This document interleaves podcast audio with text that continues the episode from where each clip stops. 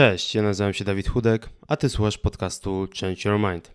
Odcinek 13. One, two, three, four.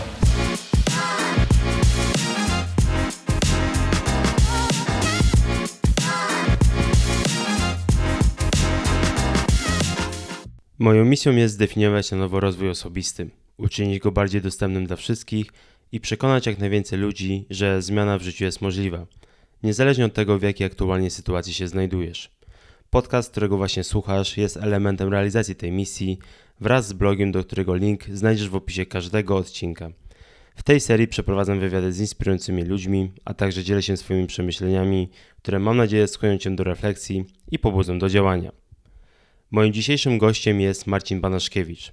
Prowadzi on szkolenia z zakresu strategii marki personalnej, wykorzystania LinkedIn do celów biznesowych i wiele innych.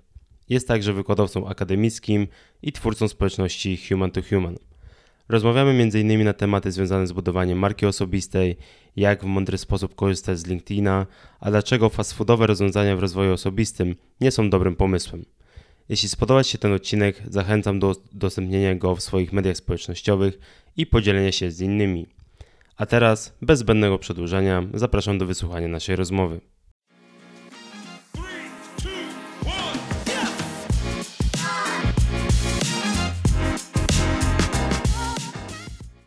Cześć Marcin, e, bardzo mi miło, że znalazłeś czas, by ze mną porozmawiać. E, w ogóle historia, w jaki sposób się spotkaliśmy, też jest związana z tym, o czym chciałbym później porozmawiać, mm, ale oczywiście chciałbym zacząć od przedstawienia się i jakbyś mógł powiedzieć kilka słów o sobie i co robisz na co dzień. Dziękuję Ci, Dawidzie, za zaproszenie, a wszystkich, którzy słuchają serdecznie, e, chciałbym pozdrowić tych, których znam, a tych, których nie znam, zaprosić do wysłuchania tego odcinka, bo dla Was może tutaj wydarzyć się kilka rzeczy, które dadzą Wam trochę do myślenia, a przychodząc z utartym e, jakby takim e, podejściem do rozwoju osobistego, o którym sporo dzisiaj będzie, być może wyjdziecie z nieco innym, może uda mi się zburzyć Wasze klocki, abyście mogli poukładać je jeszcze raz.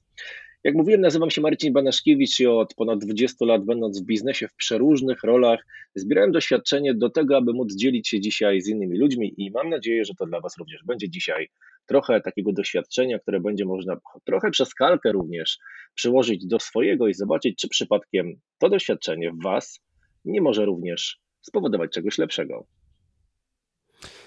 Jeśli chodzi o rozwój osobisty, to też jest związane z tym, czym robisz, co jakby ja widzę jako benefit też dla innych, czyli prowadzenie LinkedIna i w ogóle um, Znalazłem Ciebie kiedyś, kiedyś na portale jako trener LinkedIna i to mnie bardzo zainteresowało, co to w ogóle znaczy, e, ale do tego też przejdziemy. Mm, ale chciałbym zacząć od Twojego właśnie doświadczenia, bo przez 18 lat, z tego co przeczytałem, zajmowałaś się sprzedażą, e, prowadziłeś dział, działy sprzedażowe w nie pamiętam jakiej firmie, więc możesz przypomnieć, jeśli chcesz oczywiście, ale co sprawiło, że mm, zdecydowałeś się na zmianę i jakby jakie doświadczenie z tych właśnie 18 lat pracy w sprzedaży wykorzystujesz, wykorzystujesz aktualnie w swojej obecnej własnej jakby działalności?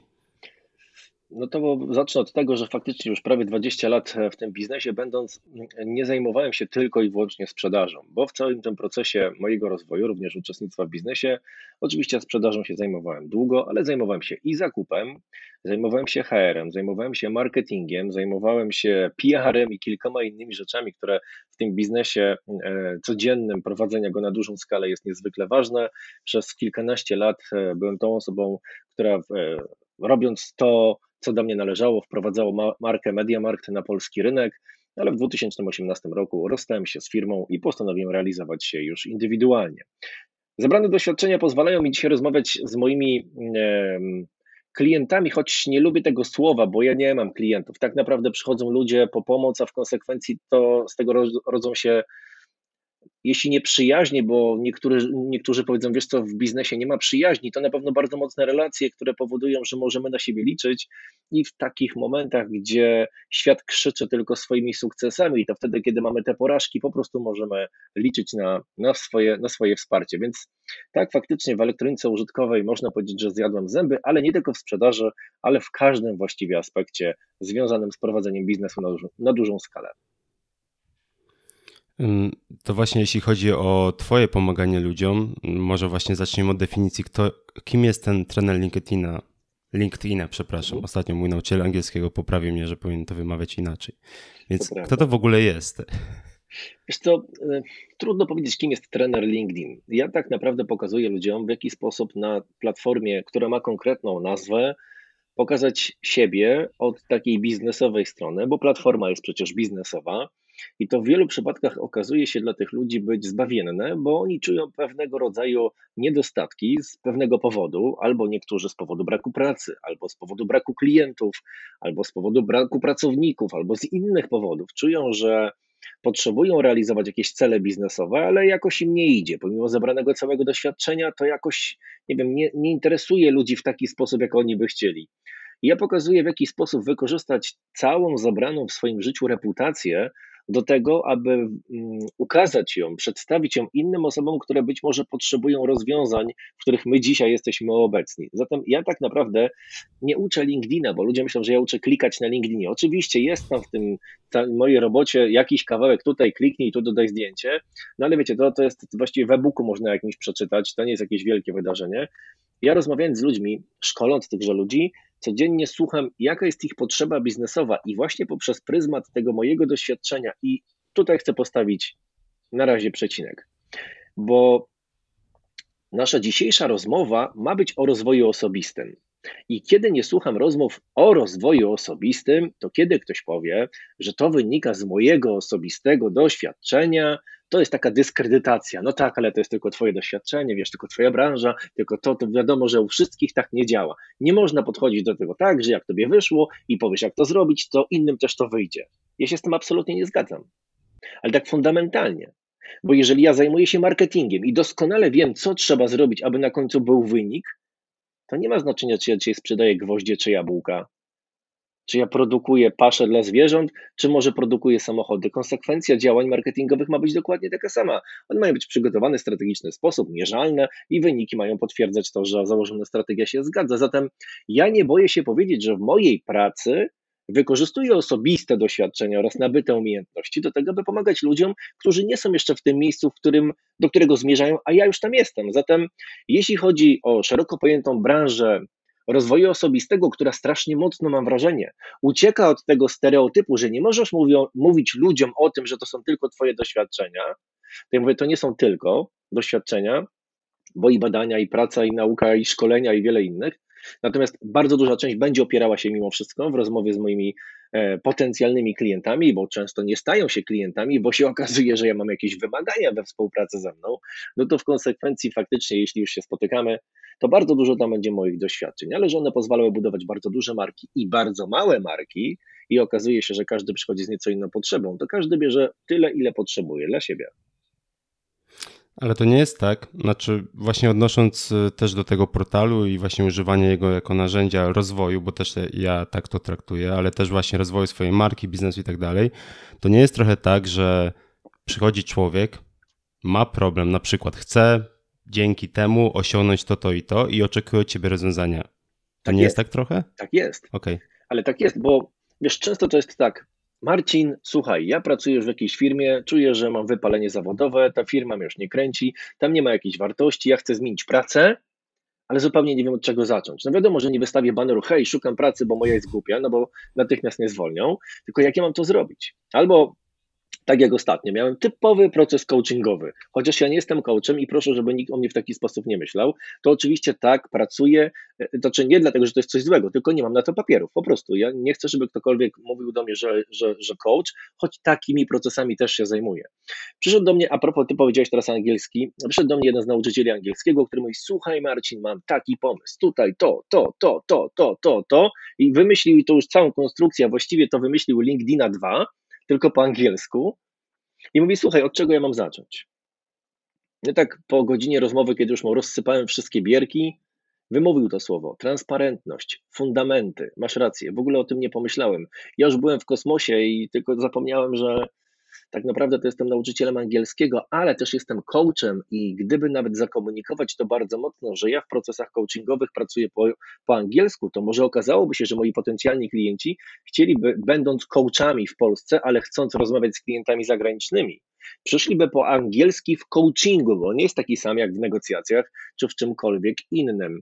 Ja często mówię o tym, że jestem lustrem dla moich klientów. Oni przychodzą, ja zadaję pytania, a oni wychodzą ze zburzonymi klockami, wiedzą, że trzeba wszystko poukładać od początku, ale żeby tylko nie mówić, co robię i ciągle nie mówić o sobie, to chcę powiedzieć, że ja też tak mam. Ja też chodzę do innych poradę, też szukam mentora, też szukam konkretnych rozwiązań, bo z mojej perspektywy to nie jest tak, że wszyscy wszystko wiedzą.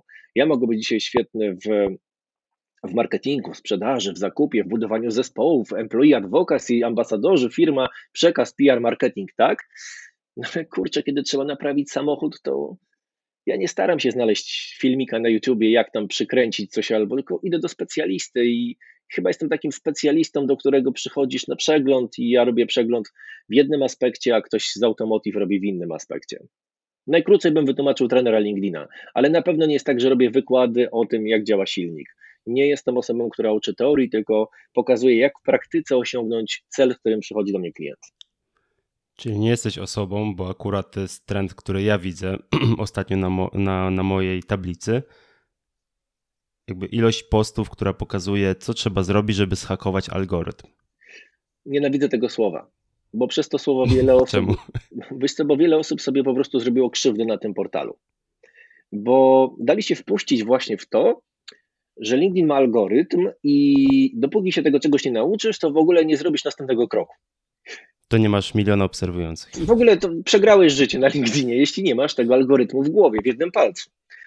Kiedy zaczynam moje szkolenie, jedno z pierwszych e, zdań, które tam padają, oczywiście po tym, jak ono będzie wyglądało, po jakimś takim intro, jest takie zdanie, które brzmi mniej więcej w podobny sposób jak Pamiętaj proszę o tym, że ludzkie oko ma w dupie algorytm LinkedIn. I ja mówię, od tego brzydkiego słowa zaczynamy szkolenie, ale to jest niezwykle ważne, bo kiedy my mamy mówić coś w tych całych social mediach, to warto w ogóle zadać sobie proste pytanie, a jak to w ogóle działa, tak, żebym, żebym ja tego od początku wiedział, czyli właśnie zbuduję sobie fundament w głowie, jak działają social media.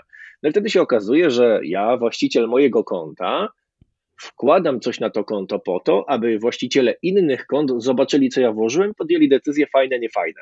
Fajne, no to ja się cieszę, bo czuję uznanie. Niefajne, mówię, mam hejterów. Ale klucz jest w słowie zobaczyli. Tak naprawdę, kiedy będziemy korzystali z obrazu, czyli ludzki, ludzkie oko, czyli jedyny zewnętrzny organ ludzkiego mózgu, z tej samej tkanki złożony, tą samą tkanką połączony, ma coś zobaczyć, zarejestrować na siatkówce i podać do, do tyłu, do tego naszego całego ośrodka podejmowania decyzji, co widzi i co z tym należy zrobić, to wystarczyłoby się zastanowić, że w takim razie po drugiej stronie jest człowiek. Czyli ja to robię, bo tam jest człowiek.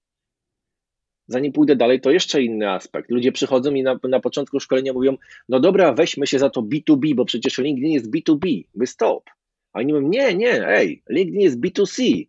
Tutaj nie biznes z biznesem, to nie firma z firmą gada, to firmy gadają z ludźmi, ostatecznymi konsumentami. Ja mówię też stop, ani tak, ani tak. LinkedIn nie jest B2B ani B2C. LinkedIn jest właśnie portalem H2H, human to human. Tutaj ja będę, oczywiście reprezentujący jakąś organizację, będę rozmawiał z drugim człowiekiem. On też pewnie będzie reprezentował jakąś organizację, ale niezwykle ważne w tym wszystkim jest to, że to nie jest taki kontakt na poziomie kontakt małpa jakaś firma wysłała maila do kontakt małpa jakaś organizacja. A zatem mój kontakt z drugim człowiekiem również będzie polegał na tym, że on będzie musiał zobaczyć, co ja tam włożyłem, co ja napisałem, zanim przeczyta mojego posta na pierwszy rzut oka stwierdzi, czy mu się chce to czytać, czy nie. A zatem wystarczy poznać algorytm ludzkiego oka, bo to dla drugiego człowieka będziemy to robili, a nie dla algorytmu. Okaże się, że te posty mogą być kwadratowe, do góry nogami, ale jeśli dostarczysz to drugiemu człowiekowi tak, jak jego mózg, który działa tak samo jak i twój, oczekuje tego, to nagle się okaże, że większość firm, które robi te ulotki na LinkedInie, popełnia kardynalne błędy. Jest taki fajny moment, kiedy uczestnicy patrzą na pewien obraz prezentowany podczas szkolenia, mówi, a teraz założy się o, o, o dwie mineralne wody niegazowane, że nikt z Was nie widział tych kropeczek i nagle ludzie mówią, o kurczę, przecież to widniało to i 15 minut. Nikt z Was tego nie widział. Dlaczego? No bo tak działa ludzkie oko. I wtedy zaczynamy, ci ludzie mówią, o wiesz co, zaczynam się trochę przekonywać do tego, o czym mówisz o tym algorytmie.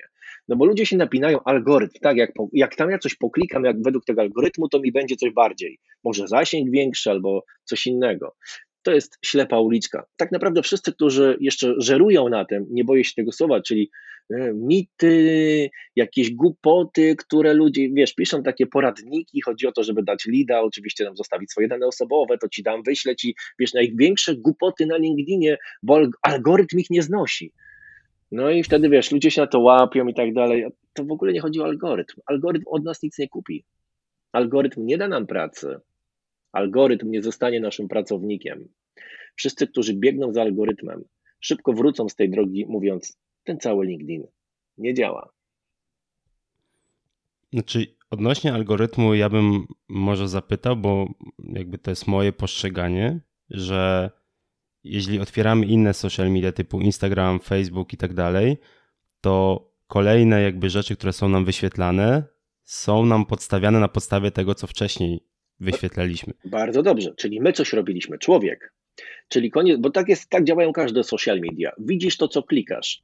Ja bardzo często słyszę taki komunikat, na tym LinkedInie widzę same beznadziejne posty, no takie bzdury. Ja mówię, dam ci dobrą radę, chociaż o to nie prosisz. Przestań klikać w takie posty. Za dwa tygodnie ci znikną, bo każdy portal, czy tak jak wymówiłeś inne nazwy, będzie robił to samo. Kiedy my dajemy sygnał, na przykład lajkując, otwierając takie posty, o, otwieram, interesuję się, to dla mnie jest fajne. Co robi każdy portal? No karmi nas tym, co dla nas jest fajne, czyli podsyła więcej tego typu treści. Ja mówię, no same głupie treści. Nie klikaj, a zniknie. Klikaj w to, co naprawdę jest interesujące. Czyli to jest kwestia bycia świadomym użytkownikiem danego portalu. To prawda, to prawda. I żeby była jasność, moim zdaniem 20% ludzi w social mediach jest świadomych tego, co robi. Pozostali korzystają z tego trochę naiwnie, myśląc, że to jest tak, wiesz, dla rodziny trochę. No, no i okej, okay, to bardzo częsty taki sygnał, który teraz jest wysyłany. Wiesz co, ja na Facebooku to jestem tylko dlatego, bo Messenger, ciotki tam są, wiesz, jacyś ludzie ze szkoły. Tam Facebook to ja już nie. Na Instagramie to wiesz tak bardziej lifestyle, no i tam mam taki jeszcze założony sklep z gadżetami, ok? No a na LinkedInie to wiesz, po, przychodzę jednak, e, no bo tutaj są takie fajne osoby z biznesu, rozpoznawalne, co więcej, oni są tacy namacalni, że jak napiszesz na przykład do szefa impostu, to on ci odpisze, a jak do jakiegoś prezesa banku napiszesz, on ci też odpisze, a zobaczysz tego Przemka Gdańskiego z BNP Paribas, Paribas pomyślisz, kurczę, jakiś wielki taki człowiek, prezes banku, ale on do, do, normalnie do ciebie napisze, i myślisz sobie, kurczę, jeszcze nigdy nie było na wyciągnięcie ręki tak bardzo łatwo tylu wspaniałych specjalistów, którzy mogą pomóc ci w rozwoju. I nagle ten portal łapie taką trochę inną temperaturę. Ludzie mówią, no jest ta etykieta, ona zupełnie jest inna niż na innych portalach. Tego hejtu, bałaganu nie ma. Ci ludzie przychodzą tutaj naprawdę robić ze sobą biznes. No ale jest też druga strona medalu. Ci, którzy tego nie rozumieją, no bo oni chcą algorytm. No i oni tam próbują pod ten algorytm, ludzie się podniecają, bo są wykresy tego algorytmu, co LinkedIn powiedział, ale wtedy się warto zastanowić, serio uważasz, że właściciel tej platformy odkryje ci wszystkie karty? Serio? Myślisz, że to, co opublikował na swoim blogu, to jest to, żebyś ty teraz klikał w to, żeby coś było lepiej? Serio? Zdajesz sobie sprawę z tego, że to jest jakiś wycinek, ułamek, którym ty masz się jarasz, jarać, bo to jest takie właśnie na ślepo rzucone. Jak się jarasz tym, to już wiadomo, że i tak nie masz nic ciekawego do powiedzenia, bo złapałeś się na ochłap, a nie na najważniejszą rzecz. Najważniejszą rzeczą na portalu LinkedIn nie jest jego algorytm, są ludzie.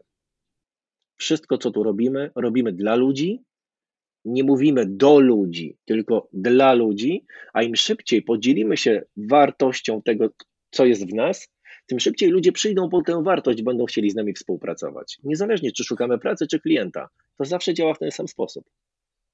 Znaczy, dla mnie koronnym przykładem mm, ostatnich tygodni, można powiedzieć, jest to, że trzeba publikować tak zwane rolki, nie, karuzele, przepraszam, rolki to są na Instagramie, karuzele w postaci tak. dokumentów, nie, że 20 slajdów z jakimś tam chwytliwym nazwą w stylu właśnie w jaki sposób poszukać algorytm i zdobyć, nie wiem, no tysiąc followersów w ciągu 20 godzin.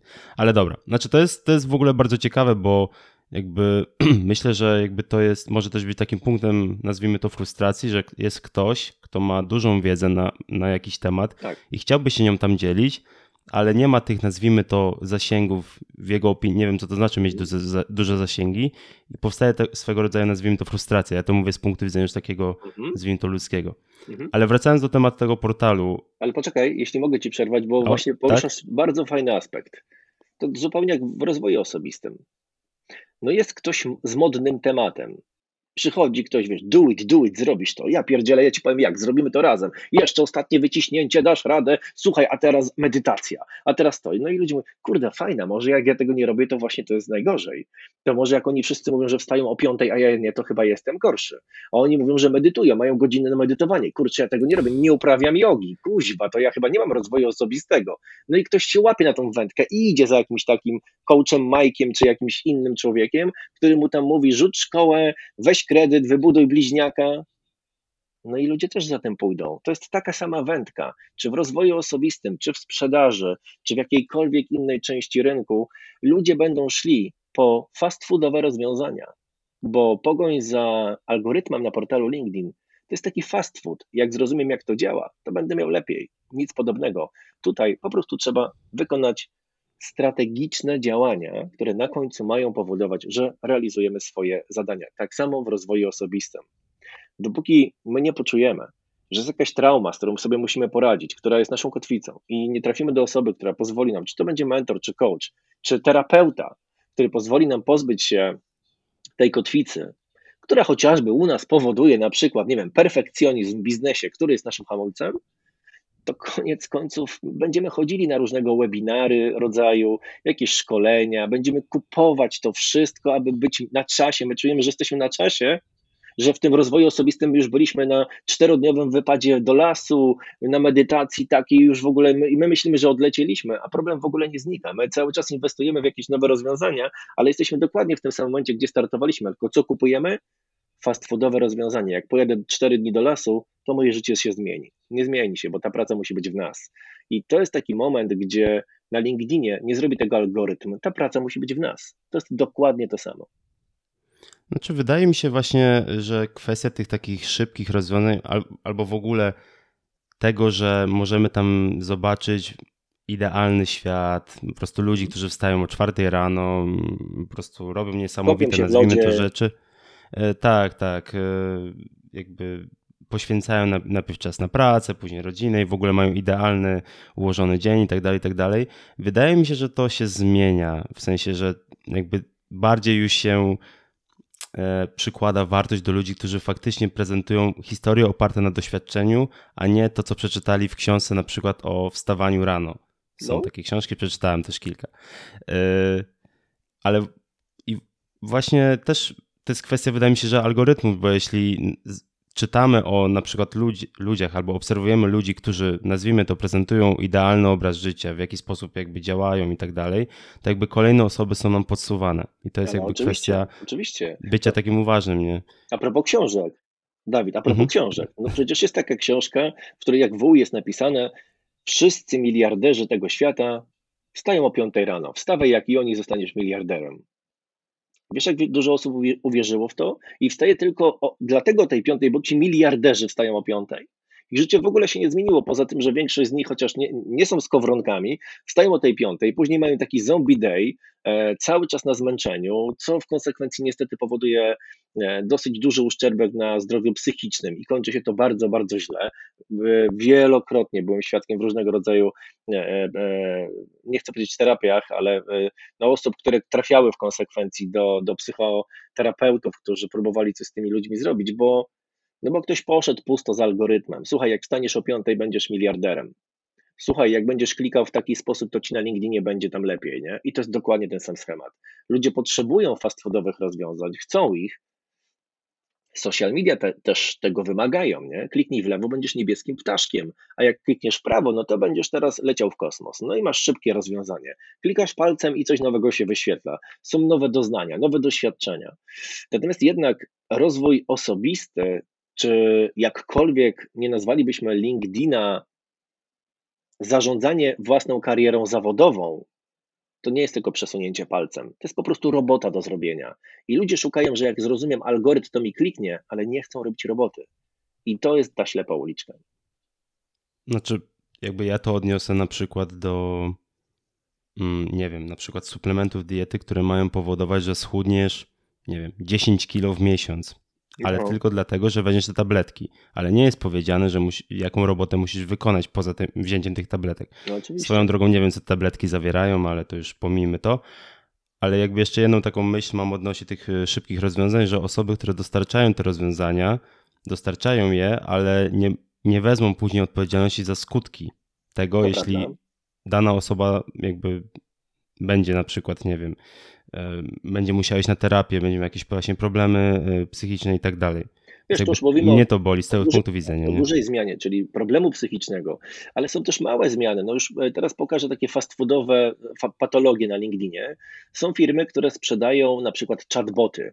Płacisz za to kilka tysięcy złotych, dostajesz chatbota i ten chatbot w Twoim imieniu wysyła bardzo dużą ilość zaproszeń. W Tak konsekwencji zwany zimny mailing, tak? Tak, Czy jak to tak, się tak, mówi no, w zimny, marketingu? tak, no, zimny, zimny mail, e, taki lepiej lub gorzej skonstruowany. O konstrukcję może nawet nie chodzi, ale no i wiesz, ty kupujesz coś, no bo na stronie będzie napisane, że my ci w miesiąc damy tysiąc kontaktów. No to co, co twój mózg rejestruje?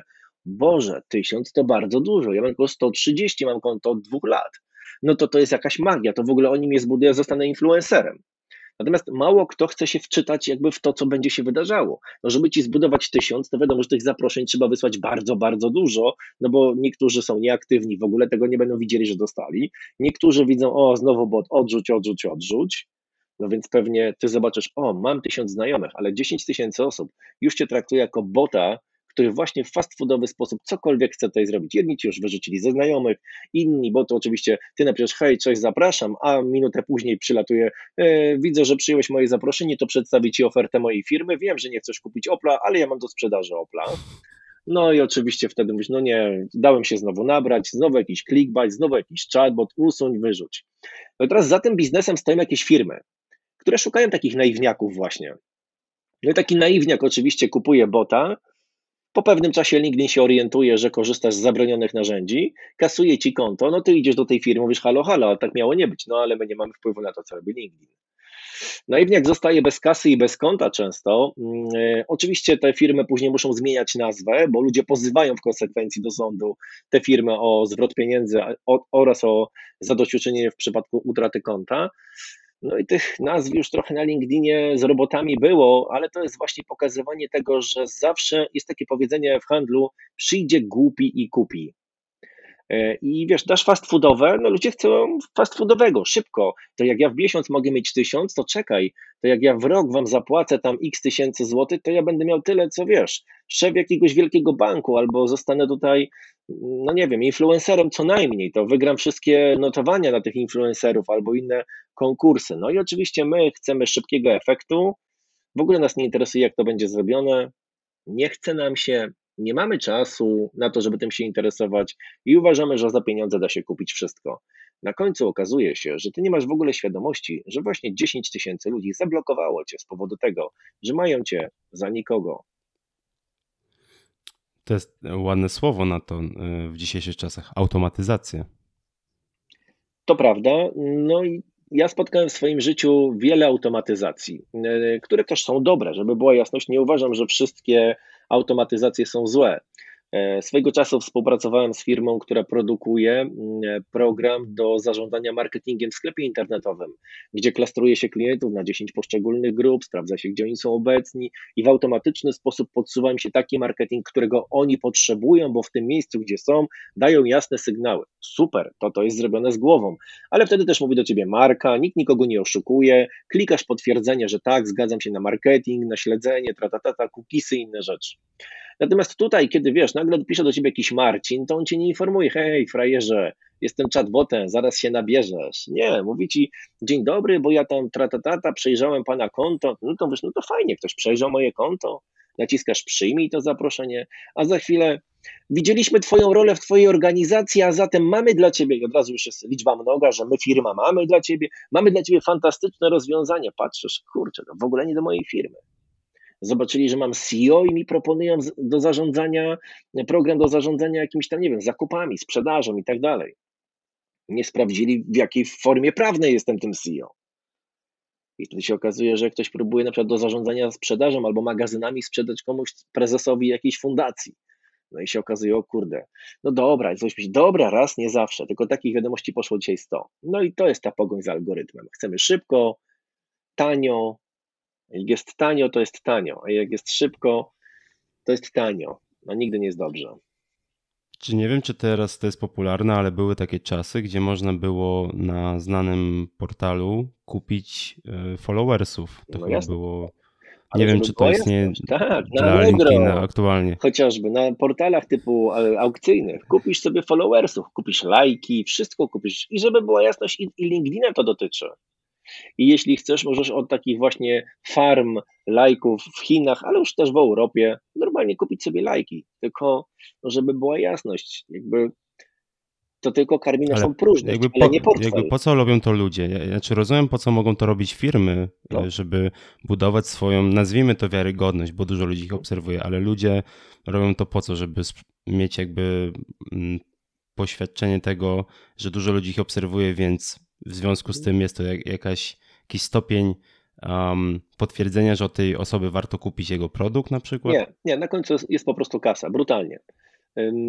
No to o tym mówię właśnie, że mm, ludzie się kierują właśnie tym przy y, kupnie, nie wiem, danego produktu. Nie? Na Mhm. przykład szukają produktu z zakresu, nie wiem, właśnie nazwijmy Kosmetyk to zarządzanie czasem, albo kosmetyki, Tak. cokolwiek, nie? I właśnie ich głównym kryterium jest liczba followersów, nie? To nie prawda, tak to, to prawda, tylko mm, żeby była jasność, mm, musimy tutaj no, jakby pogrzebać głębiej.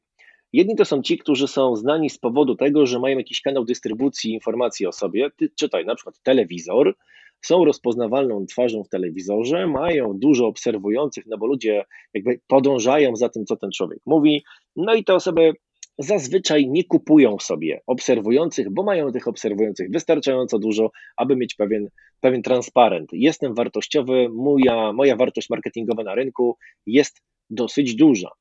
No ale na końcu są dzieciaki.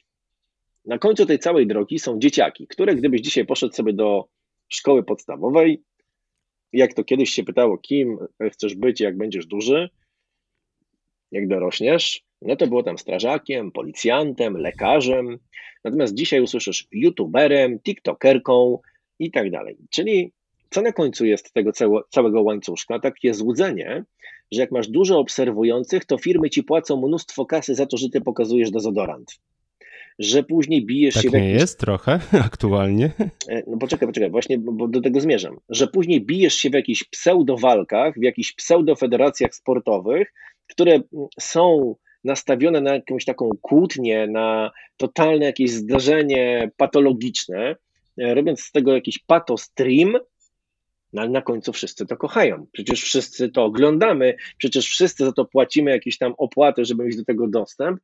Wszyscy oczywiście tutaj mówię teraz jeszcze o tym młodszym pokoleniu, no ale skoro jesteśmy karmieni, że jak masz tak dużo obserwujących i zrobisz dramę, a wtedy zwróci na ciebie uwagę jakaś federacja patologicznego sportu, no to musisz mieć dużo obserwujących, a później zrobić dramę. No i to jest taki moment, w którym młode pokolenie jest karmione tym, że możesz zostać youtuberem, zostaniesz drugim freezem, założysz sobie ekipę, będziesz mieć miliony, tyle że na końcu warto spojrzeć, co z tą ekipą się stało. To są zawsze wydmuszki i, ja bardzo często, kiedy jestem proszony o wykłady dla młodych ludzi, zwracam na to uwagę. I, I pamiętam to jak dzisiaj, kiedy wyszły lody ekipy, to było jakieś dwa lata temu, szaleństwo totalne, ekipa holding, tratatata i jestem w jakiejś tam szkole, mówię, dzieciaki, z tego nic nie będzie, wszyscy ha, ha, ha, przyszedł jakiś siwy facet i tutaj opowiada głupoty. Więc zobaczycie, za dwa lata to będzie po temacie. Już to przerabiałem w gwiazdach e, muzyki, w gwiazdach filmowych, przerabiałem to już wielokrotnie. Ten temat jest dla mnie znany. Za dwa lata nie będziemy rozmawiali o żadnym freezie, a jeśli będziemy rozmawiali, to w bardzo negatywnym aspekcie. Wszyscy ha, ha, ha, ha. No dzisiaj jak jest, to ten, kto interesuje się ekipą, myślę, że już jest w stanie sobie zdać z tego sprawę. I to było bardzo mocne ciśnienie na kasę i jakbyśmy wtedy wszyscy zadali takiemu młodemu pokoleniu, hej, kim chcesz być? Bardzo często padało, chcę być freezem. A co trzeba zrobić? Trzeba mieć dużo obserwujących. I wtedy się kupuje tych obserwujących. Po prostu, bo chcesz mieć dużo, bo oni cię wtedy kupią, bo wtedy cię będą lubili, bo wtedy dadzą ci pieniądze, bo będziesz sławny, jak masz obserwujących. To jest ta pułapka. W tym, w tym przypadku też było to, znaczy to jest moja opinia, że jakby też oni dostarczali content, nie wiem jak nazwać ten content, ale jakby który łatwy do przyswojenia i nie wymagający myślenia. Jakby Tak, z, tak, z punktu tak, widzenia tak. widza, nie? To też jakby było klikalne. No, ale to jest też E, taki content. P- Pokazujmy drogie zegarki, drogie samochody, pokazujmy dom, w którym mieszkamy, wygłupiamy się, pokazujmy swoje życie, a wtedy inni będą nas oglądali, będą chcieli mi- mieć nasze życie. To jak im sprzedamy jakieś tam gadżety z AliExpress za 14 zł po 300 zł, to oni się będą cieszyli. Na końcu brutalnie jest po prostu kasa, kasa, kasa i jeszcze raz kasa. I tak samo ci, którzy nabierają na ten algorytm, dawaj kasę, to ci coś pokaże, albo przyjdź na kolejne szkolenie w lesie, to zrozumiesz siebie, tylko dawaj kasę. To na końcu, jak nie ma takiej podstawy podstaw, nie usiądziesz i nie zbudujesz człowiekowi właśnie fundamentu, tylko nie badając, czy on ma fundament zbudowany, próbujesz go od razu wciskać na e, samą górę piramidy, to po prostu wtedy jest to niestety ale żerowanie na pieniądzach tego człowieka i na jego naiwności. To niestety jest wszechobecne dzisiaj. Dobrze, to wróćmy do tych fundamentów właśnie, bo ja, jakby ja jestem ciekaw y, tej pracy, bo przychodzi do ciebie osoba, załóżmy, że nie ma zbudowanej marki w sieci, nazwijmy to w ten sposób. No. I załóżmy, że ma cel, na przykład chce zmienić pracę albo chce założyć własną firmę i pozyskać klientów w branży X. I Mhm. co dalej? No właśnie, i co dalej? No, e, akurat wymieniłeś dwa różne cele, absolutnie różne, no bo cel mm, e, znajdź pracę jest najczęściej celem krótkoterminowym. E, Jestem bez pracy, zatem nie mogę budować strategii poszukiwania na dwa lata, tylko potrzebuję jak najszybciej odzyskać pracę i natychmiastowo zrobić coś, aby z powrotem mieć pieniądze na kredyt, na życie, tratatata. I to jest zupełnie inna strategia dla takiego celu, ale kiedy mówisz tak, zbuduję firmę, będę pozyskiwać klientów, to już jest cel długoterminowy. No i właśnie wtedy nagle zaczynamy gadać o celu. I wtedy się na przykład okazuje, że ktoś powie: Panie Marcinie, jestem, strzelam teraz, dyrektorką marketingu w bardzo dużej korporacji od 10 lat. Czuję, że się wypaliłam, to co robię już mi nie sprawia przyjemności, myślę o własnej firmie. Ja mówię, dobra, okej. To jest cel, który dosyć szybko na LinkedInie można zrealizować. Założenie firmy to są dwa dni, natomiast po założeniu firmy no, będzie trzeba zrobić coś, aby uzyskać choćby jedną fakturę, by pokryła nam cokolwiek, ZUS chociażby, już nie mówię o podatkach. No jak nie sprzedajemy, nie ma podatków, ale ZUS będzie zawsze kosztem. No i wtedy ja zadaję takie fundamentalne pytanie, a lub, lubi Pani sprzedawać? Nienawidzę, nie znoszę. I ja mówię, no bo jak pani założy firmę, to nie będzie działu marketingu, ani działu sprzedaży, działu zakupu, HR-u, nie będzie nikogo od sprzątania, pani będzie jednoosobową firmą we wszystkim, od prezeski do osoby na samym dole, po prostu na młodszy specjalista do spraw wyleczego, pani będzie wszystkim. No dobra, dobra, jestem na to przygotowana. A lubi pani sprzedawać? No nie znoszę. To jak pani sprzeda swoją wartość? No właśnie po to do pana przychodzę, bo chcę się nauczyć, co mam tam wcisnąć, żeby oni kupowali. Oczekujemy fast foodowego rozwiązania. To jest bardzo częste. Ludzie myślą, że przychodząc do mnie po to, że ja na LinkedInie coś tam włączę, to oni nagle zaczną coś sprzedawać. I wtedy się okazuje, Masz magiczną różdżkę, tak? tak, że ja mam jakiś guzik, tam wcisnę ten guzik i nagle ludzie będą już to robić, co wymarzył sobie przyszły przedsiębiorca na przykład. Tak nie jest. Więc tak naprawdę ja nie uczę LinkedIna. Oczywiście, żeby była jasność, też tego uczę. W ogóle co to jest profil, konto, zdjęcie, jak niezwykle ważną rzecz i wszystko to jest, oczywiście, że tak. Ale e, bardzo się na przykład cieszę, jak przychodzą ludzie i jest na przykład ośmioosobowa grupa i ktoś mówi, dobra Marcin, kurczę, ja już to wszystko wiem, nie? Jeśli to jest początek szkolenia, to trochę się chyba będę nudzić. Mówię, jak długo masz konto na LinkedInie? 10 lat. Wchodzę na to konto, to wiesz co, nawet jednego dnia nigdy nie było włączone. Może jednak powinien się zaciekawić teraz, aby dalej posłuchać, co u Ciebie na tym koncie nie działa i tak dalej. Więc konto oczywiście też jest. To moje szkolenie ma o tyle fajny aspekt, że możesz przyjść zakładając konto wczoraj, ale możesz na tej samej sa- sali siedzieć, mając konto od 10 lat, a i tak wszyscy wychodzą z czymś nowym dla siebie. Ale do czego zmierzam? Zmierzam do tego, że przychodzi taka pani i ona oczekuje teraz, Marcin, ja nigdy się sprzedażą nie, nienawidzę. Ja lubię robić marketing, wiesz, ATL, BTL to mnie kręci, sprzedaż nie. No ja mówię, no to pani przedsiębiorczyni przyszła, to jak pani chce tą firmę prowadzić? No właśnie dlatego przychodzę do pana.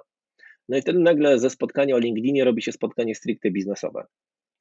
Czyli budowanie strategii biznesowej. Ja nie zajmuję się tylko i wyłącznie LinkedInem, ale pomagam też szczególnie jednoosobowej działalności gospodarczej, czyli osobom, które gdzieś tam w okolicach 30, 40 dochodzą do wniosku, mam, mam tego serdecznie dosyć, wychodzę z tego, co robię, chcę działać na swoje, no to pracujemy nad tym, aby przygotować w ogóle strategię tego, w jaki sposób ma wyglądać koszyk finansowy organizacji, jak przygotować produkty, jak przygotować e, komunikację, jak przygotować lejek sprzedaży i pomagam tym ludziom w ogóle ogarnąć, co to jest w ogóle firma, bo w wielu przypadkach taki imperatyw do działania w tych ludziach jest. Mam tego dosyć, muszę coś zmienić, otwieram firmę. No tylko niestety nie ma dobrego przygotowania, bo w organizacjach, gdzie były asystentki, byli asystenci, dział, który zajmował się flotą samochodową, dział, który kupował długopisy i kalendarze. I my byliśmy w tym wszystkim, jakby podawano nam na tacy gotowe rozwiązania, myśmy wkładali tylko tę część roboty, która do nas należała, no to teraz sobie trzeba auto samodzielnie jakoś zorganizować, ono się nie bierze z kosmosu, kalendarz sobie zamówić. I to w wielu przypadkach jest takie Taki pierwszy rok jest dramatyczny dla ludzi, którzy wychodzą po 10 latach z wygodnej pozycji, gdzie była karta do lekarza. Później się okazuje, że ta karta do lekarza w ogóle wcale nie musi być potrzebna, bo idziesz do lekarza po prostu tak samo, tylko płacisz za wizytę kilkadziesiąt złotych i tak samo jest jak z tą kartą.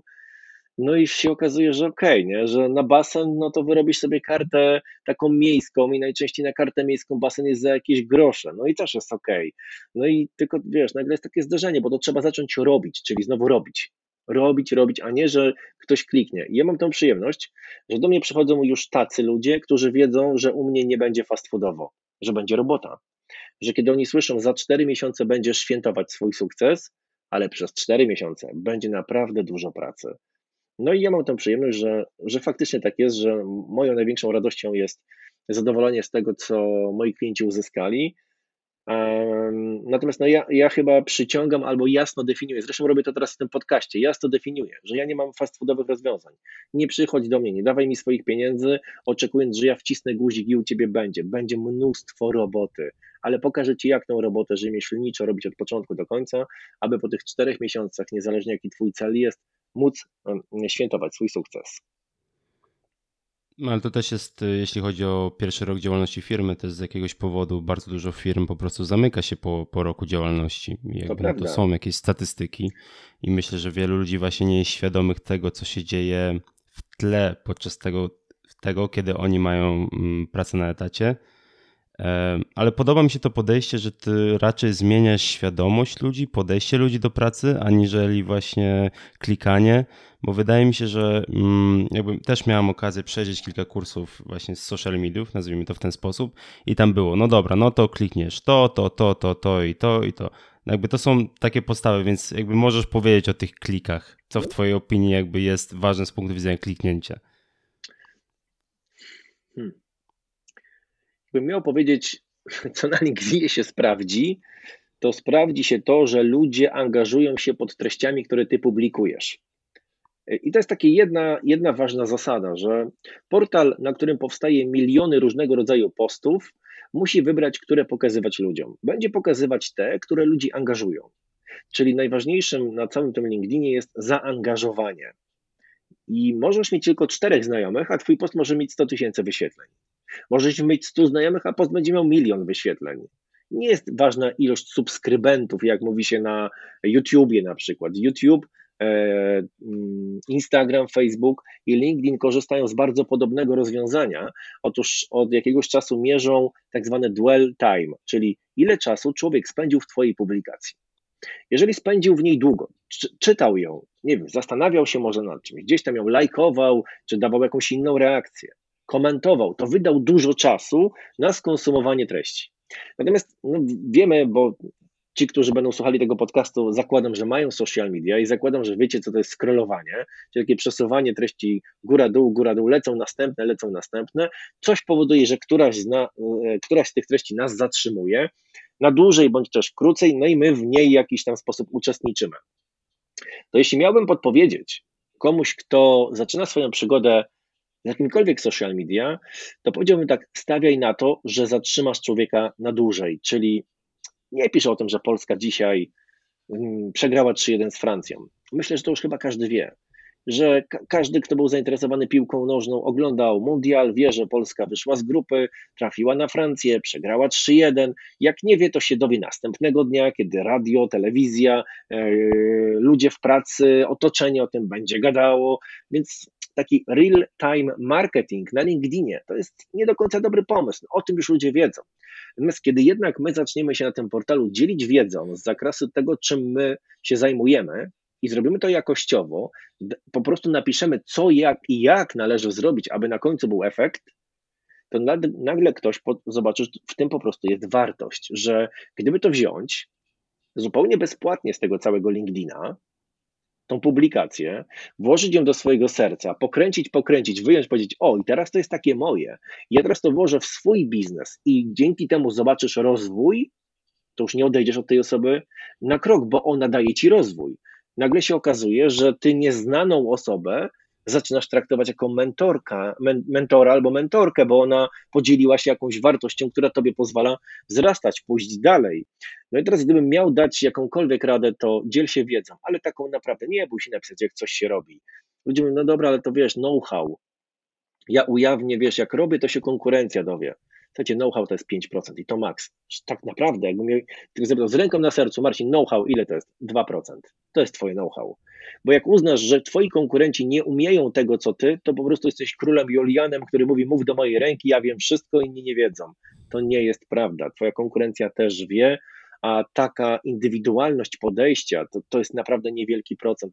Więc dziel się wiedzą z najwyższego poziomu, pozwalaj ludziom uczyć się od ciebie, dawaj im wskazówki, jak dotrzeć do tego miejsca, gdzie jesteś, a oni już na pewno wydadzą dużo tego dwell time'u, korzystając z dobrej wiedzy, chcąc się uczyć, a jednocześnie będą ci wdzięczni i będziesz budował taką, taką społeczność opartą o wdzięczność, bo kiedy ktoś się od ciebie uczy, to ci i polajkuje, i skomentuje, a w konsekwencji widzisz, kto to robił, przechodzisz na konta tych osób, widzisz, że oni dzielą się jakąś ciekawą wiedzą, oni się rozwijają, ty się rozwijasz.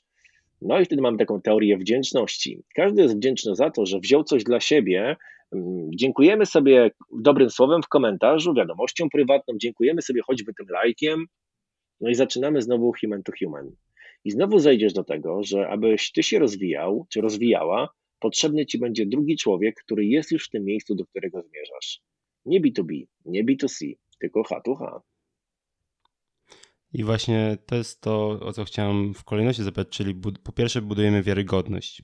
Czyli mm. jeśli pracujemy w jakiejś branży, to budujemy jakiś swego rodzaju autorytet, ja bym w ten sposób to nazwał, a właśnie z drugiej strony są te relacje, które jakby z mojego punktu widzenia są bardzo istotne i tu właśnie wracamy do tego czegoś, co ja jakby, dla mnie jest jakby tym, co odróżnia ten portal od innych, że na przykład ciebie widziałem przez, nie wiem, już jakiś czas na LinkedInie i nagle cię spotkałem w rzeczywistości i patrzę, o Marcin, o, wygląda tak samo jak na zdjęciu profilowym. Mhm. Niczym się nie różni, nie? I to samo gada. Jakby i to samo gada, nie? Co, co, co w internecie, więc e, to jest fajne i właśnie mm, Miałem jeszcze pytanie odnośnie Neolink, y, jeszcze jednej rzeczy związanej z swoimi szkoleniami, ale zanim do tego, to właśnie chciałem zapytać o tą społeczność, bo tworzy społeczność.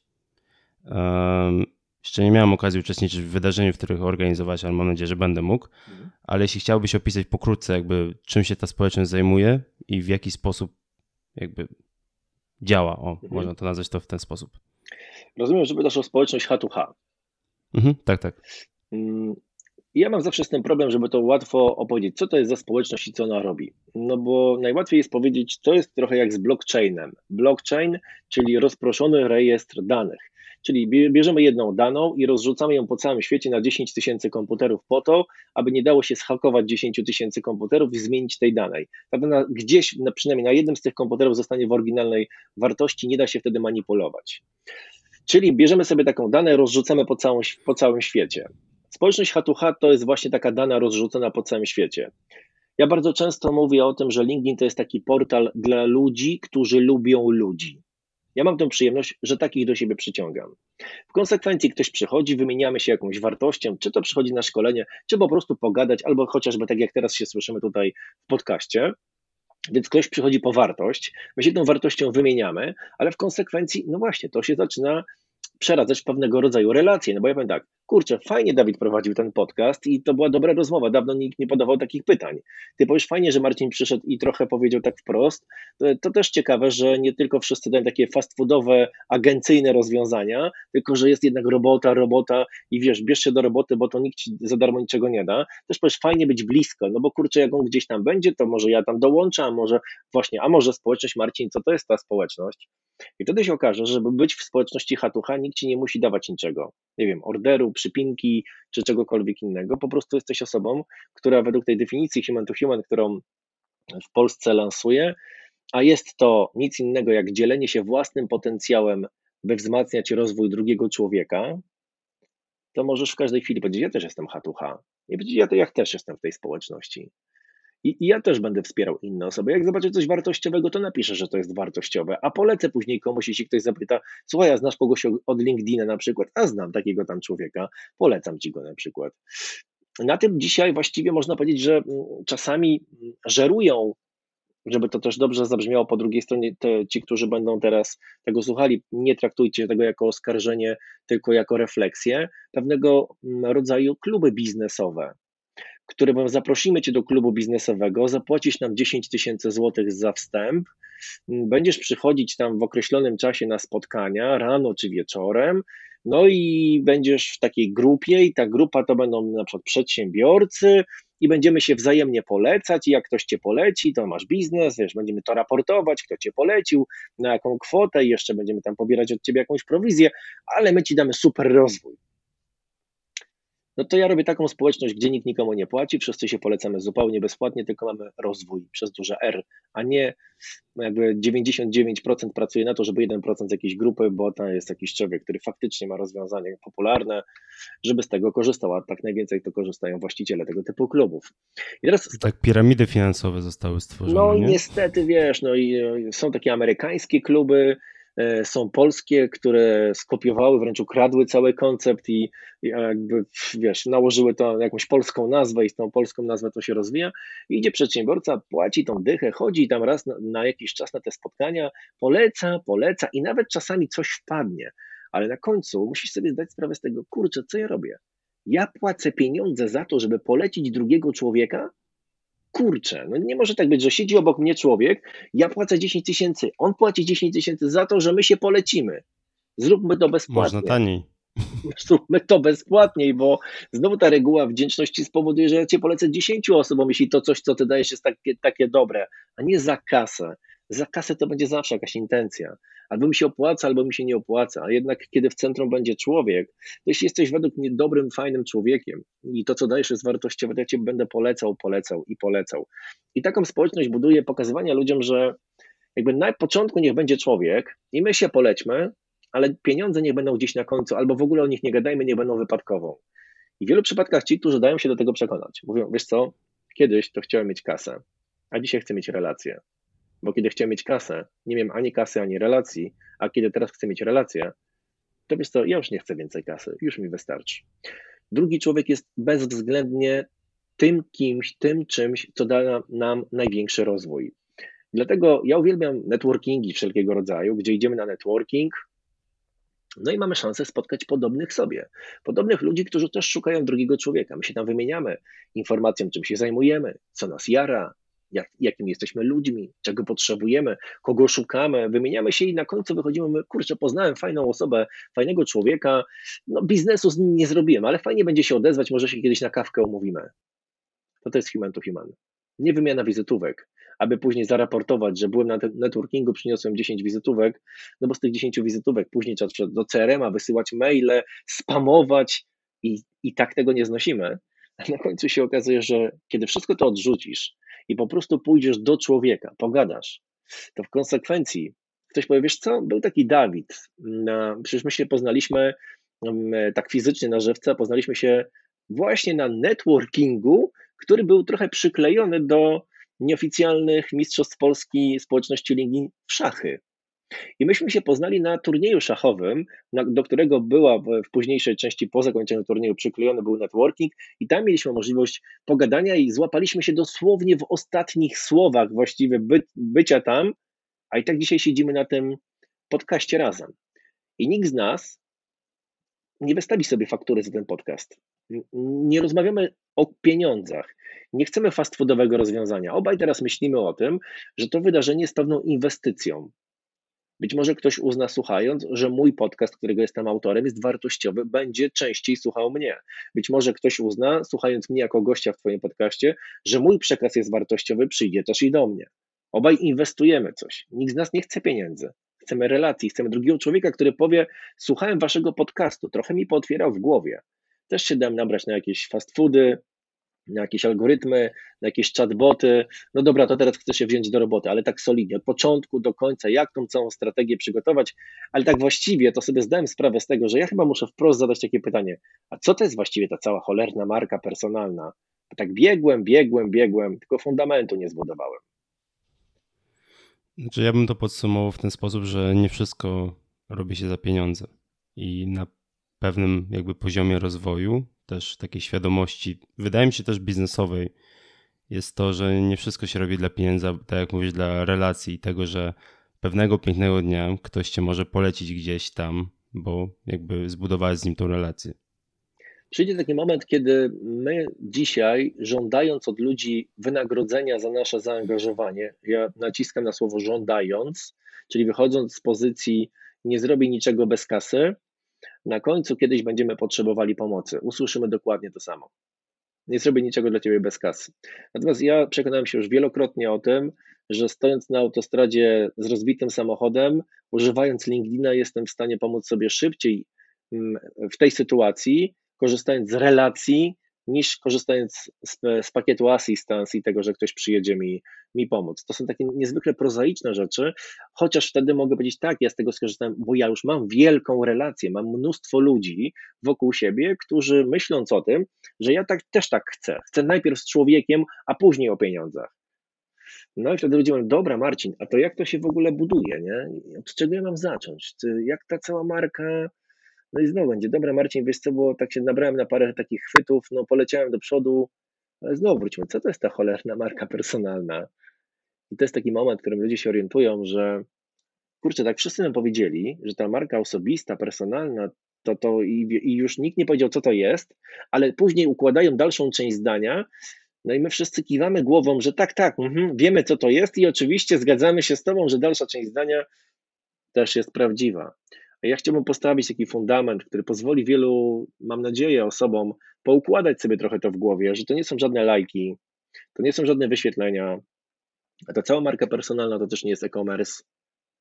Marka personalna to nic innego jak ekspozycja własnej reputacji w przestrzeni publicznej, a jeżeli rozmawiamy o LinkedInie, to za pomocą portalu społecznościowego ekspozycja swojej reputacji w przestrzeni publicznej za pomocą portalu społecznościowego. Społeczność jest kluczem. Jeśli to, jaką masz reputację, zostaje tylko w budynku, w którym pracujesz, bardzo brutalnie przyjdzie ci się z tym zderzyć w momencie, kiedy ktoś powie, żebyś z tego budynku wyszła albo wyszedł, albo wy podejmiecie tę decyzję, że wychodzę z tego biznesu. Weźmiesz swój karton z gratami, wyjdziesz na ulicę i wtedy warto zapytać pierwszej przechodzącej osoby: Przepraszam, czy ja w pani pana oczach uchodzę za dobrą markę? Wtedy okaże się, że ta cała budowana reputacja przez całe życie została w budynku firmy, dla której świadczyliśmy usługę, a tak dla świata zewnętrznego po prostu jesteśmy no-name'ami.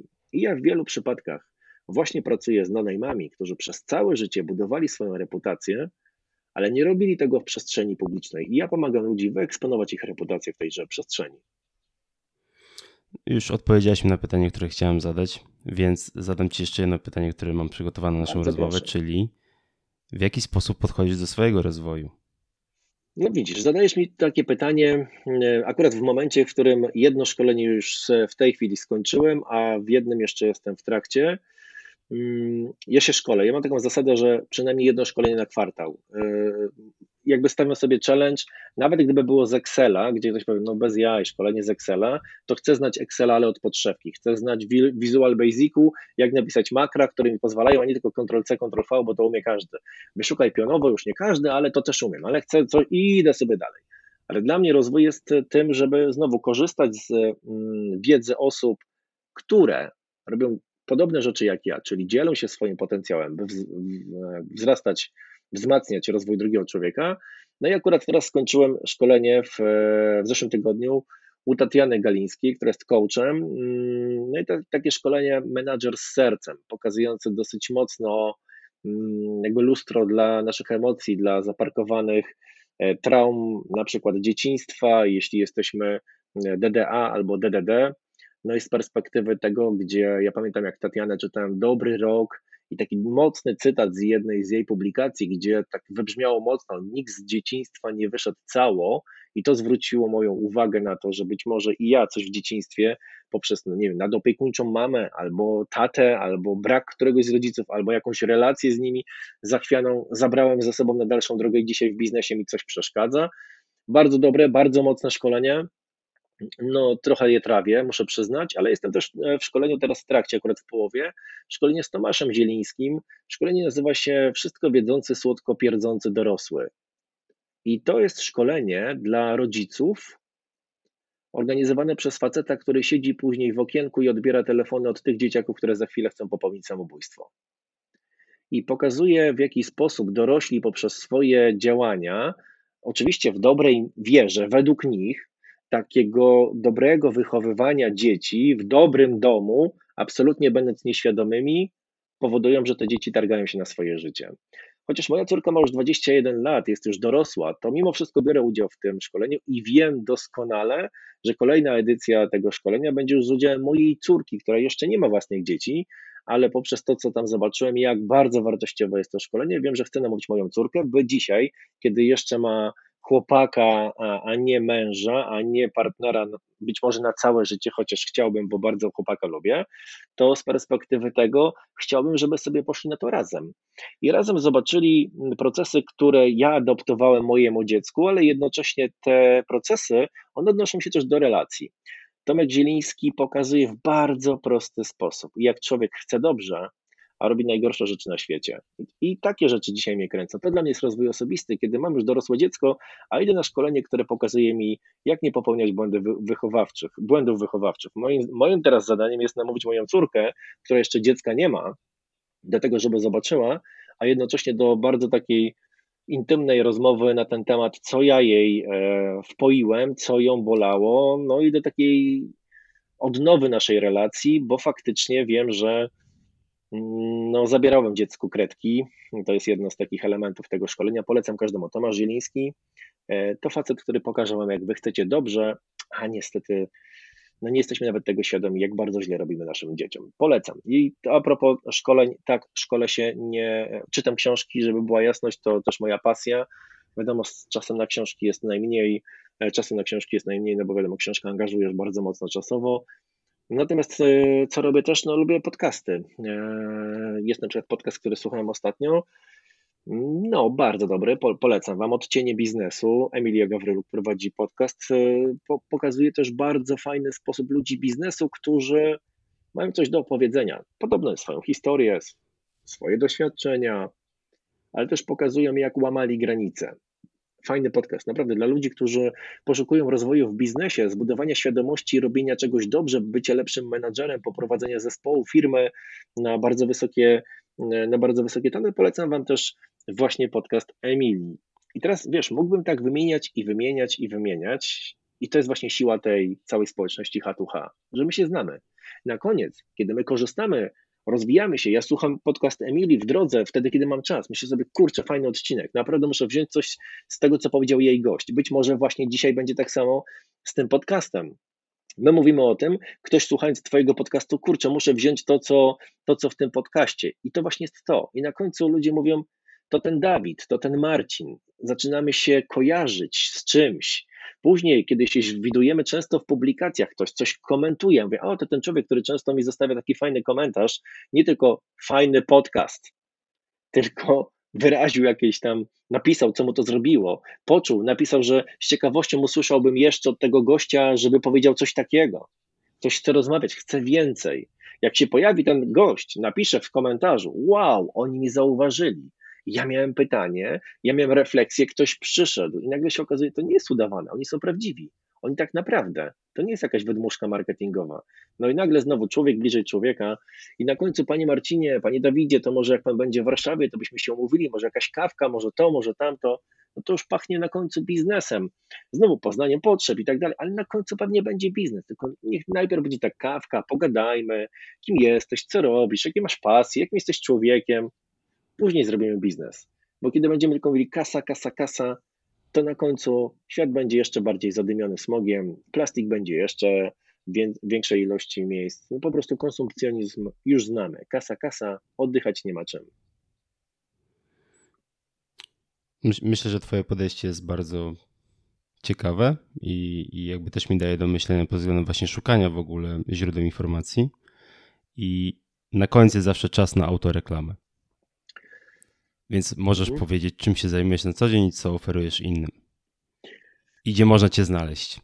To zacznę od tego, można mnie znaleźć na LinkedInie. Marcin Banaszkiewicz, trener LinkedIn, tak będzie pewnie najłatwiej. Czym się zajmuję? Zajmuję się tym, aby pokazać, w jaki sposób ukazać własną reputację właśnie w przestrzeni publicznej za pomocą portalu społecznościowego LinkedIn. W takim miejscu, gdzie jest bezpiecznie, gdzie jest etykieta, gdzie nie ma hejtu, gdzie ludzie chcą współpracować, gdzie ludzie poszukują akurat tego, o czym my, to znaczy tego czegoś, co my mamy, tylko my nie umiemy powiedzieć, że my to mamy to ja uczę jeszcze tego, żeby powiedzieć, że ja to coś mam i nie mówić tego, tak jak się to mówi, mm, nie wiem, na Instagramie, hej, mam to, przyjdź do mnie, albo hej, właśnie na bloga wjechał najnowszy artykulik, no bo też to nie jest tego typu portal. Uczę, jak to robić profesjonalnie i skutecznie. Więc jeżeli ktoś chciałby zająć się własną reputacją, no i w przeciągu czterech miesięcy móc zrealizować cel, który chodzi mu teraz po głowie, Zapraszam do kontaktu. Jak do mnie napiszecie, to ja nie wystawiam faktur za to, że Wam odpiszę, więc śmiało zapraszam do kontaktu. Jak będziecie się kiedyś decydowali na współpracę ze mną, to dopiero wtedy Wam powiem, gdzie, co, jak można kupić. A dzisiaj pozostawię tylko taką jedną rzecz jako ciekawostkę dotyczącą LinkedIna. Ciekawostkę, która w większości przypadków pozmiata z planszy tych, którzy mówią, że LinkedIn jest głupi. Natomiast myślę, że ci, którzy tak uważają, nie, do, nie dotrzymają do końca odcinka. W Holandii, która jeśli chodzi o LinkedIna jest absolutnym numerem jeden w Europie, bo ponad 3 czwarte ludzi korzysta z tego medium codziennie jako narzędzie pracy, jako narzędzie, jak komputer, Outlook czy jakakolwiek inna aplikacja, no to 3 czwarte pracującej populacji Holandii codziennie korzystając z tego portalu usłyszało całkiem niedawno na jednej z największych mm, e, konferencji HR-owych mm, właśnie w tym kraju rzecz następującą. Szanowni Holendrzy, pomału rezygnujemy z dokumentu CV. My, rekruterzy, nie będziemy go już chcieli. On jest jednak zbyt ubogi. Mówi, jaką macie szkołę i gdzie pracowaliście wcześniej. Wy macie do nas później pretensje, że kiedy robimy rekrutację online, to włączamy programy szpiegujące, które badają Twoje gałki oczne, to jak się zachowujesz, badają poziom prawdy. My już tego nie chcemy robić. My też chcemy być, być w prawdzie. No więc zrobimy coś innego. Rezygnujemy z dokumentu CV. Natomiast tam, gdzie w dokumentach rekrutacyjnych był link do wstawienia waszego CV, teraz będzie link do wstawienia waszego mm, portalu LinkedIn. My chcemy, zanim się rozpocznie rekrutacja, wiedzieć, jakim jesteśmy ludźmi cyfrowo. W jaki sposób budujecie cyfrowe relacje, w jaki sposób funkcjonujecie w społeczeństwie, w jaki sposób się wypowiadacie, w jaki sposób odnosicie się do innych ludzi. My chcemy to wiedzieć na początku nie będziemy cię szpiegować. Po prostu zobaczymy to, co ty oficjalnie na portalu zrobiłaś i zrobiłeś. Chcemy wiedzieć, jakie są twoje kompetencje społeczne, również te cyfrowe.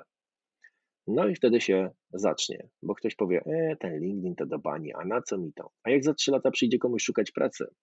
I również w Polsce będzie już to standardem, to ludzie będą musieli wysłać pusty link do pustego konta, które założyli przed dwiema minutami, no bo oczywiście wcześniej tego całego LinkedIna mieli gdzieś.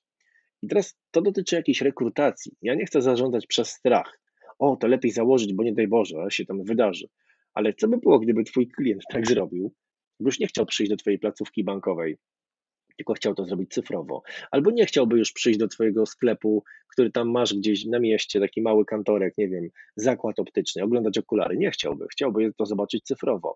Chciałby wiele rzeczy zrobić cyfrowo, a ty mówisz, nie, to nie dla mnie, ci, to może ci młodzi, ja to już jestem boomerem, to ja już raczej nie. Kurczę, a to trwa tylko 4 miesiące. Serio, niezależnie czy masz 21 lat czy 57. Za 4 miesiące cała Twoja reputacja, którą budowałeś czy budowałaś całe życie, może być dostępna dla każdego dokładnie w taki sam sposób jakościowy, jak każdy z Was zbudował. Jeśli miałbym siebie reklamować, to powiem rzecz następującą. Zapraszam do społeczności Human to Human. Mm, Bądźmy takimi osobami, które się znają, wiedzą, jakie kto ma kompetencje, a na koniec może pojedziemy sobie we wrześniu do Karpacza na wydarzenie, które nazywa się Szczyt LinkedIn i poświęcone jest osobom z, niepełnosprawnościami i aktywizacji zawodowej. Bo nagle się okazuje, że ten temat, choć wiemy, że społecznie przez rządy różnych opcji przez lata został zaniedbany, to jednak ludzie biznesu nie chcą tego już zaniedbywać i mówią głośno, chcemy to zmienić i nawet mamy na to pomysł. I wtedy się okaże, że nie tylko tutaj robimy kasę, tylko nagle robimy takie oddolne projekty, które są cholernie skuteczne. Do tego zapraszam. Także ja też zapraszam. Mm, Myślę, że w przyszłym roku będę miał okazję tam być. Zapraszam, A- będzie to we wrześniu, pewnie gdzieś w połowie. A ja chciałbym Ci podziękować za poświęcony czas i rozmowę. Mm, Myślę, że wiele tutaj rzeczy zo- zostało powiedziane, które dają do myślenia i też mm, ja będę myślę, musiał kilka rzeczy przemyśleć. E, Także życzę Ci wszystkiego dobrego e, i myślę, że do zobaczenia na kolejnym wydarzeniu albo po prostu na LinkedInie. Dawidzie, dziękuję Ci za zaproszenie. Mam nadzieję, że wkrótce oczywiście znów się spotkamy. No ale jak to mówią w internetach, pożegnam się klasycznym do zaklikania. Dziękuję za wysłuchanie podcastu i mam nadzieję do zobaczenia również na portalu.